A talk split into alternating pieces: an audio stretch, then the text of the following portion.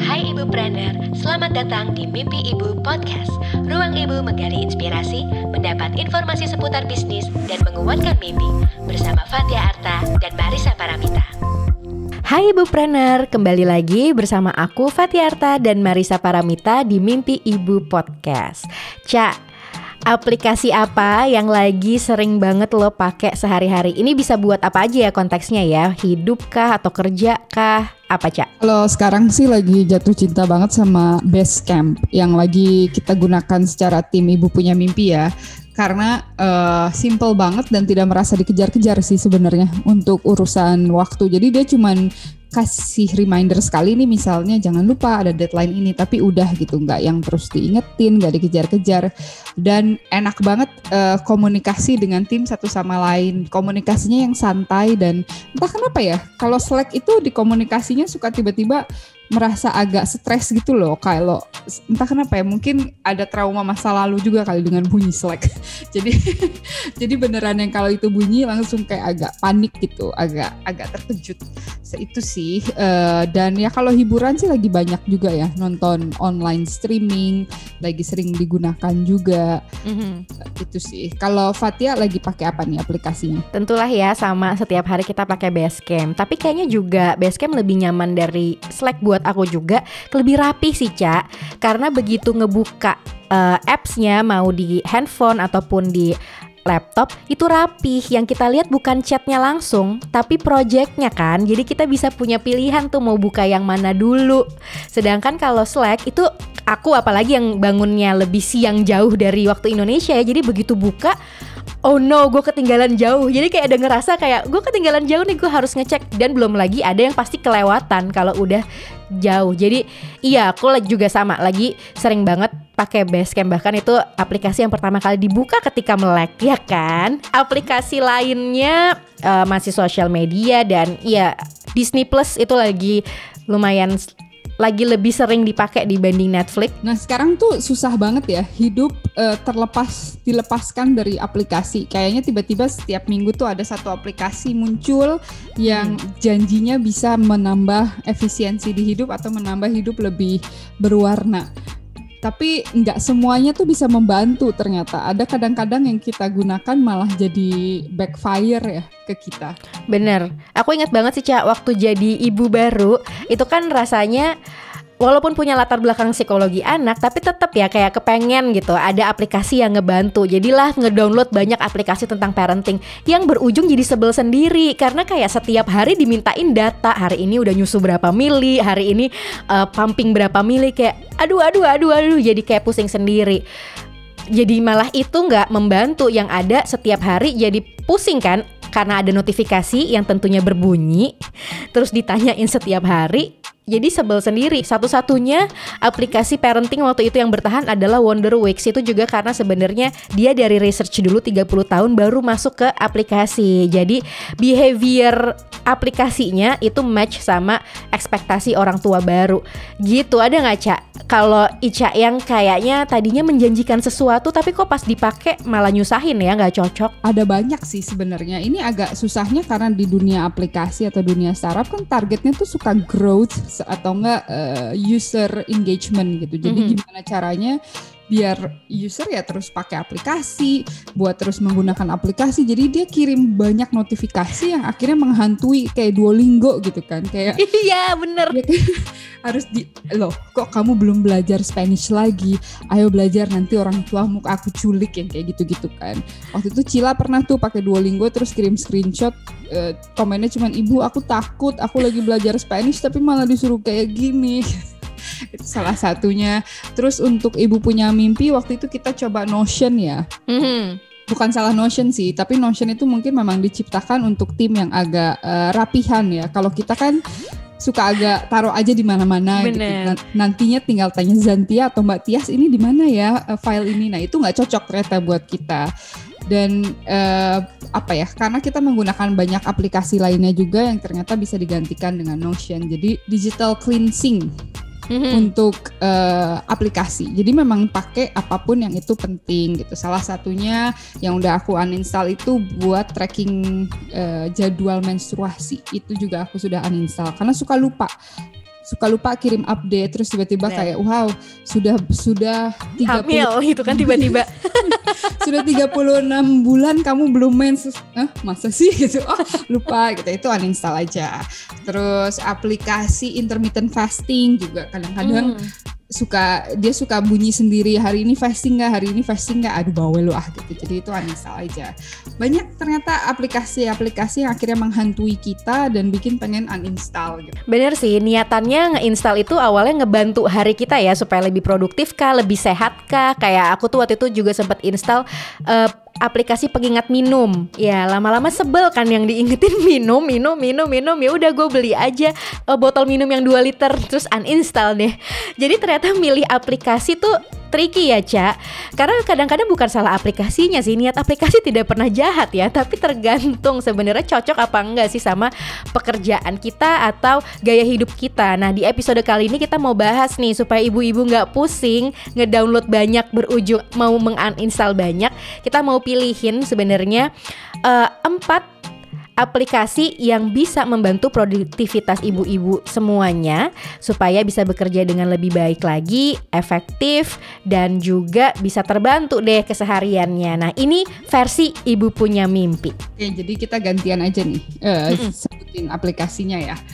Nah, jadi eh, ini personal preference. Mungkin kalau ibu-ibu ada kasih masukan ke kita untuk aplikasi yang bisa kita cek untuk menambah produktivitas, bisa tulis di rumi.ibupunyamimpi.org ya Bu. Nah, kalau dari Fatia apa nih yang pertama? Kalau dari aku itu Google Calendar. itu kayak wow, terima kasih Google Calendar gitu. Karena udahlah dia gratis, terus mudah kan karena bisa diakses sama siapa aja, bisa kita share sama siapa pun. Dan online calendar ini kesannya sepele ya kayak ya udah kalender aja, tapi itu mengubah hidup sih, Cak. Terutama ketika lockdown ini ya, aku harus mensinkronkan jadwal dengan Dimas, dengan tim yang jauh di Indonesia dan di Singapura, sehingga Google Calendar nih adalah alat komunikasi yang cocok banget untuk meminimalisir konflik yang berkaitan dengan jadwal. Jadi kalau misalnya ada meeting tapi aku lupa update karena ada kegiatan lain itu berarti salah aku belum eh, update sih Google Calendar itu. Minimal ketika udah diupdate semua orang yang terlibat bisa ngelihat bahwa oh di jam segini ada kegiatan apa. Gitu juga kalau di rumah sebenarnya aku juga bisa ngelihat eh, jadwal Dimas meeting jam segini. Oh berarti aku harus jam berapa nih bisa ngeset meeting. Jadi ini alat komunikasi yang efektif banget untuk nggak melulu nanya dan menghindari kesalahpahaman sih terkait dengan bentrok jadwal. Nah ini tuh sampai kalau di Google Calendar aku kalau misalnya eh, aku cerita nih ibu-ibu, aku tuh bahkan nulis waktu tidur, waktu Iya. tidur, waktu makan atau waktu olahraga itu semuanya aku tulis di Google Calendar. Sebenarnya bukan buat jadi takut, cuman jadi pengingat aja sih eh, untuk oke siap-siap ya tidur, siap-siap ya jangan lupa olahraga. Jadi berguna banget Google Calendar ini dan bisa ini juga. Jadi kalau misalnya eh, pasangan nih udah mulai marah-marah kamu tuh sibuk banget sih emang kamu beneran kerja? Kasih aja Google Kalendernya nanti pas di situ ngeliat beneran kok ada meeting ya kan? Nggak ini Bener. lagi. Dan notificationnya nggak annoying ya Ca? Karena kan memang kayak hanya kita bisa atur banget dan mengingatkan kita ya sesuai sama apa yang kita tulis. Dari Ica apa? dari aku tadi kita sudah menyebutkan dua-duanya ya base camp. Ini memang kita lagi berdua dan ibu punya mimpi lagi jatuh cinta banget karena memang gampang banget dan sangat intuitif untuk kita ya. Tapi kan kalau produktivitas aplikasi itu memang cocok-cocokan. Ada beberapa tim yang suka sama Asana suka sama Notion atau Trello atau Jira. Kalau kita ibu punya mimpi kita cocok banget sama Basecamp dan memang eh, mudah digunakan dan kita bisa sharing ke ibu-ibu batch 4 misalnya untuk pengumpulan tugas dan segala macam bisa langsung dicek ke situ. Yang menyenangkan itu bagi aku untuk di Basecamp tuh eh, ada section to do. Jadi misalnya Mhm. aku tolong Fatia ngerjain sesuatu, aku tulis di tudunya Fatia. Nanti kalau Fatia sudah selesai dia tinggal kasih checklist sudah beres gitu. Kalau Fatia minta tolong aku juga tinggal masukin ke tudu. Kalau aku lupa tinggal ingetin lagi di chatnya. Jadi semuanya udah ada di situ dan sangat intuitif sih. Ini kita sangat terbantu sekali ya sebagai tim yang remote dan ada di mana-mana. Ada base camp tuh jadi terbantu sekali apalagi kita adalah tim yang berantakan. Bener. Kalau aku paling suka dari Basecamp itu malah fitur chatnya sih, Cak. Karena fitur chatnya sebenarnya banyak kan di uh, Basecamp tapi terorganisir. Jadi kapan kita mau ngobrol santai, ada tempatnya. Bahkan di project itu lagi ngomongin tentang sebuah project tapi santai ada tempatnya. Tapi kalau mau ngobrolin tentang project itu uh, basically cuma reporting doang juga ada tempatnya. Jadi kayak mau nyari apa tuh jelas ke mana, mau ngomongin apa jelas ke mana. Jadi nggak membuat aku bingung dan juga hopefully juga jadi nggak membuat tim bingung. Jadi tahu tempatnya di mana, pindah ke mana, pindah ke mana dan enak banget kalau mau nyari file kayak uh, lu udah update ini belum? Lo coba deh cek yang di marketing gitu misalnya. Ya udah tinggal cek aja ada di ruangan itu nggak mungkin ke mana-mana. Mm -hmm, bener. Apalagi nih yang ketiga? Yang ketiga masih dari Google. Google Keep kayak kalau boleh sebutin ya. Google tuh sebenarnya kalau kita bisa memanfaatkan dengan baik ya dengan itu aja sebetulnya cukup tapi balik lagi ke kebutuhannya seperti apa. Nah, aku Google Keep nih lumayan membantu untuk urusan personal karena kan kalau tadi kantor to-do listnya ada di Basecamp. Nah, kalau di Google Keep ini biasanya aku tulis checklist-checklist yang berkaitan sama hal apa aja di rumah yang perlu aku lakukan di hari itu. Jadi uh, tinggal di checklist-checklist terus bisa di ganti-ganti dipindah-pindahin sesuai dengan prioritas bisa di-share juga ke Dimas apa yang perlu kita lakukan sama-sama di hari itu dan bisa sama-sama lihat yang mana yang udah dikerjakan. Jadi uh, Google Keep itu juga checklist yang membantu sih. Warnanya juga bisa diganti-ganti. Jadi biasanya ada warna yang memang untuk urusan rumah sama warna yang memang pure urusan alarik itu juga ada. Aku belum pernah cobain sih jadi nanti mungkin aku mau cek ya seperti apa Google Keep ini. Karena aku udah sempet cobain beberapa to do list apps cak. Kayak to do is terus abis itu task anydo nah basically karena yang aku butuhin cuman listnya semua aplikasi itu jadi ganggu fiturnya yang lainnya karena aku nggak butuh alarmnya, aku nggak butuh kalendernya, aku cuma butuh listnya. Jadi ini simple kalau cuma butuh checklist aja. Apalagi cak? Beneran cocok-cocokan ya kalau kayak ya. begitu. Benar. Yang keempat itu Miro. Miro mm -hmm. itu adalah mind mapping eh, aplikasi mind mapping sih atau Scribble atau apa ya sebenarnya lebih buat penggambaran uh, tertentu sih yang ada di otak karena bisa banyak banget ya bisa ya. kalau kita pengen mau bikin sprint dia punya uh, template-nya untuk sprint mau bikin gambar atau mau bikin brainstorm Uh, dia juga ada template-nya. Jadi sebenarnya mungkin aplikasi untuk brainstorm kali ya. Karena kalau otak aku tuh sebenarnya berantakan banget. Jadi semuanya ada di mana-mana. Nah, Miro itu uh, membantu aku untuk mempetakan pikiran aku gitu. Bahkan waktu ketika kita nulis buku menjadi ibu itu kita pakai aplikasi Miro, bukan aplikasi uh, Docs, bukan aplikasi Notion, tapi kita pakainya Miro karena uh, kalau untuk aku sendiri aku nyaman banget dengan Miro karena ya itu bisa dipetakan uh, otaknya dan bisa bikin uh, diagram, bisa bikin mhm. skema mm-hmm. gitu. Itu mudah banget sih. Bener, Miro ini cocok banget buat kolaborasi ya, Cak. Kolaboratif tool. Jadi enak banget bahkan kalau misalnya kita ngedit buku tuh waktu itu kelihatan tuh kursornya Marisa ada di kotak yang mana. Very much intuitif ya, Cak. Kayak kita lagi ngobrol tapi via via board. Seru sih itu. Seru. Jadi itu salah satu aplikasi yang uh, aku sering gunakan ketika memang udah buntu sih rasanya. Karena kadang-kadang hmm. kita juga suka coret-coret di notes kan tapi itu nggak bisa di share ke kalau aku butuh share ke Fatia gitu aku butuh sesuatu yang memang bisa berkolaborasi jadi Miro itu berguna banget sih. Tapi eh, kadang-kadang tuh memang banyak banget pilihan aplikasi di luar sana yang kayaknya canggih banget menawarkan banyak hal dan bisa kita gunakan gitu. Tapi belum tentu itu cocok nggak sih untuk kita? Kayak tadi Fatia cerita uh, banyak cek untuk aplikasi uh, checklist untuk uh, untuk checklist dan untuk kalender. Tapi ada beberapa aplikasi yang menawarkan sesuatu yang lebih canggih. Padahal kita juga belum tentu butuh ya kecanggihan itu. Kemarin aja nih pas lagi buat topik ini, aku googling kan productivity tools. Waduh, itu yang sejenis uh, Slack, yang sejenis Basecamp tuh kayak banyak banget kan, Ca. Apalagi uh, selama pandemi ini tuh kayaknya itu tuh seksi banget area productivity. Tapi setelah aku kulik-kulik lagi, ya nggak semuanya tuh cocok. Ada yang emang strongnya di checklistnya, ada yang strongnya di uh, di discussion boardnya. Nah, balik lagi nih ada beberapa hal yang perlu ibu-ibu pertimbangkan ketika mau memilih tools yang harapannya membantu productivity kita. Ada beberapa hal. Yang pertama tadi kita juga udah ngobrolin tujuannya dulu nih dari aktivitas kita. Workflow apa sih yang kita sebenarnya harapkan bisa ditingkatkan? Kayak tadi misalnya aku suka checklist. Ya udah itu berarti aku cari aplikasi yang memang bisa membantu aku bisa merunutkan kegiatan hari itu apa, mengkomunikasikan ke pasangan dan bisa langsung dihapus atau dicek setelah melakukannya. Apalagi Cak pertimbangannya Cak? Kalau dari aku sih kita ngecek dulu ya ke diri sendiri sebenarnya. Kita udah mm -hmm. pakai tools tuh apa aja.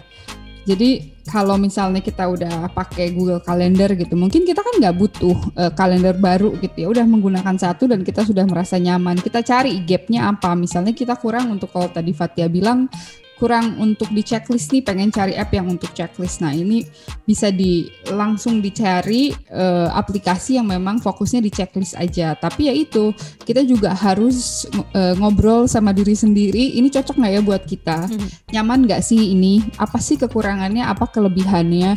Kalau kita kerja sama tim tanya sama timnya gimana nih dengan aplikasi ini? Cocok nggak kira-kira? Kalau misalnya memang cocok ya tinggal lanjutin. Kalau nggak ya cari yang lain. Karena uh, untungnya nih ya di dunia startup yang fokusnya di growth itu mereka kayak selalu kasih uh, gratisan ya? bulan ya? pertama gratis kan jadi kita cobain dulu nih kalau nggak cocok ya udah bye itu pengalaman kita sama Slack banget nih sih apalagi nih terus uh, juga evaluasi dulu gimana nanti tools itu bisa bantu kita mengintegrasikan basically kerjaan kita offline sama online itu perannya dia ada di mana dan bisa nggak sih sebenarnya aplikasi atau tools yang pengen kita pakai ini diintegrasikan sama apps lain yang udah kita pakai.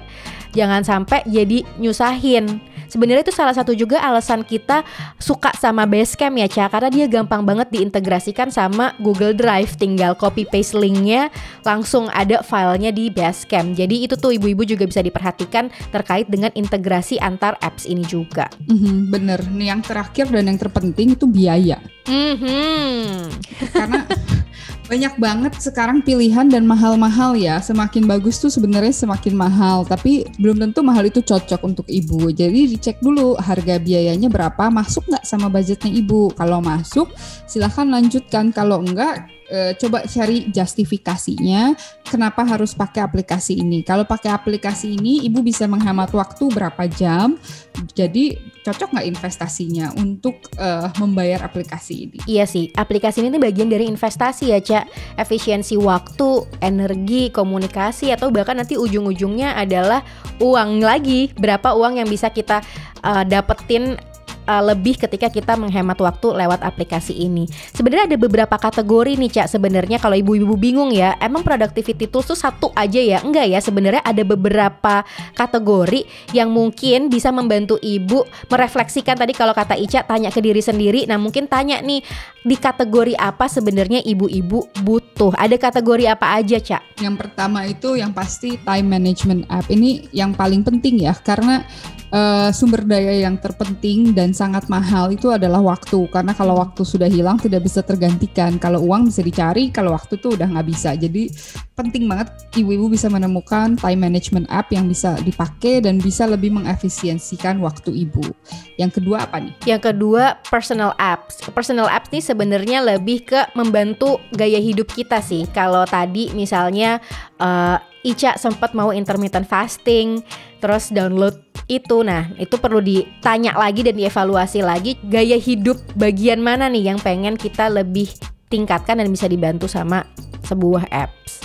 Yang ketiga, itu ada workplace app ini tuh seperti Basecamp. Jadi ya ibaratnya kalau sekarang kita kerjanya remote nih, nah si aplikasi ini adalah kantornya kita di mana kita ngumpul, mm -hmm. kita ngobrol, kita taruh dokumen, semuanya ada di situ semua. Either ibu bisa pakai Basecamp atau pakai Google uh, Drive itu bisa jadi workplace app. Yang keempat itu ada writing and note taking apps. Ini sebenarnya ya kalau ibu-ibu nanti dengerin lagi per kategori itu bisa jadi bisa dijawab sama satu apps bisa mungkin ya Cak ya. Jadi balik lagi ke tujuannya ibu-ibu karena writing and note taking nih basically ya tempat nyatet sama tempat nge-save uh, dokumen. Di Basecamp pun bisa. Atau uh, kalau ibu-ibu Google Drive pun bisa kalau rapih ya nyimpennya supaya nggak hilang itu bisa Evernote atau notes yang ada di handphone atau Google Keep itu juga bagian dari kategori ini. Terus selanjutnya ini ada uh, speech to text app. Mungkin ini masih agak jarang untuk digunakan ya, tapi mm -hmm. sebenarnya kalau kita kebayang zaman dulu nih ketika kita harus commute ke kantor, ke rumah, terus kita harus nulis atau kita dapat inspirasi, kita pengen uh, speech to apps langsung direkam terus langsung bisa uh, kita kasih tulisan teksnya dengan AI biasanya masih sekarang masih berbasis bahasa Inggris. Ini ada beberapa yeah. pilihan sebenarnya cuman ini memang fokusnya di bahasa Inggris. Ada Dragon Anywhere ada Otter ada Verbit ada uh, Amazon ada Amazon juga dia punya nih AI-nya. Cuman hmm. kalau aku sarankan sih mending pakai uh, record WhatsApp aja Bu dikirim ke diri sendiri dulu karena untuk yang bahasa Indonesia masih belum ada. Jadi yang bahasa Indonesia masih uh, masih belum ada. Masih, masih belum. ada space nih kalau ada yang mau mengembangkan ya, Cak ya. Iya, ini sulitnya adalah karena ini menggunakan AI kan. Jadi AI itu nanti mentranskrip, mentranskrip ke teks. Nah, bahasa Indonesia itu tidak sebaku bahasa Inggris. Ada bahasa slangnya tuh banyak banget mm-hmm. dan ada 350 bahasa daerah. Jadi agak susah buat AI belajarnya. Kriwils ya nanti AI-nya kalau ada boleh loh ibu-ibu di komen di Rumi jadi kita tahu nih jadi kalau lagi sambil mandiin anak atau misalnya sambil masak ada inspirasi kita bisa langsung rekam ya langsung jadi tulisan boleh dikasih Bener. tahu ibu-ibu Nah, yang terakhir meeting and scheduling apps. Ini sebenarnya aku agak sedih sih salah satu tools yang aku suka pakai untuk nanyain schedule ke pihak luar ibu punya mimpi baik tutor maupun pembicara hilang. Udah nggak ada. Meeting bird. Itu salah satu favorit aku. Karena tinggal ngeblok uh, kalender dibikinin sebuah link pilihan nanti tinggal vote. Nanti kita bisa uh, ngatur jadwal sesuai dengan vote terbanyak. Nah ini juga ibu-ibu boleh kasih tahu aku kalau ada meeting and scheduling apps lain yang juga handy dan simple pengganti meeting bird. Uh, calendly. Ah oke. okay tapi uh, ini agak ribet kayaknya. Kalau meeting bird emang enak banget sih, cuman simpel terus ya udah gitu. Kalau kalian itu setahu aku agak ribet. Jadi kalau mau ya biasanya sih aku pakai Google Form aja.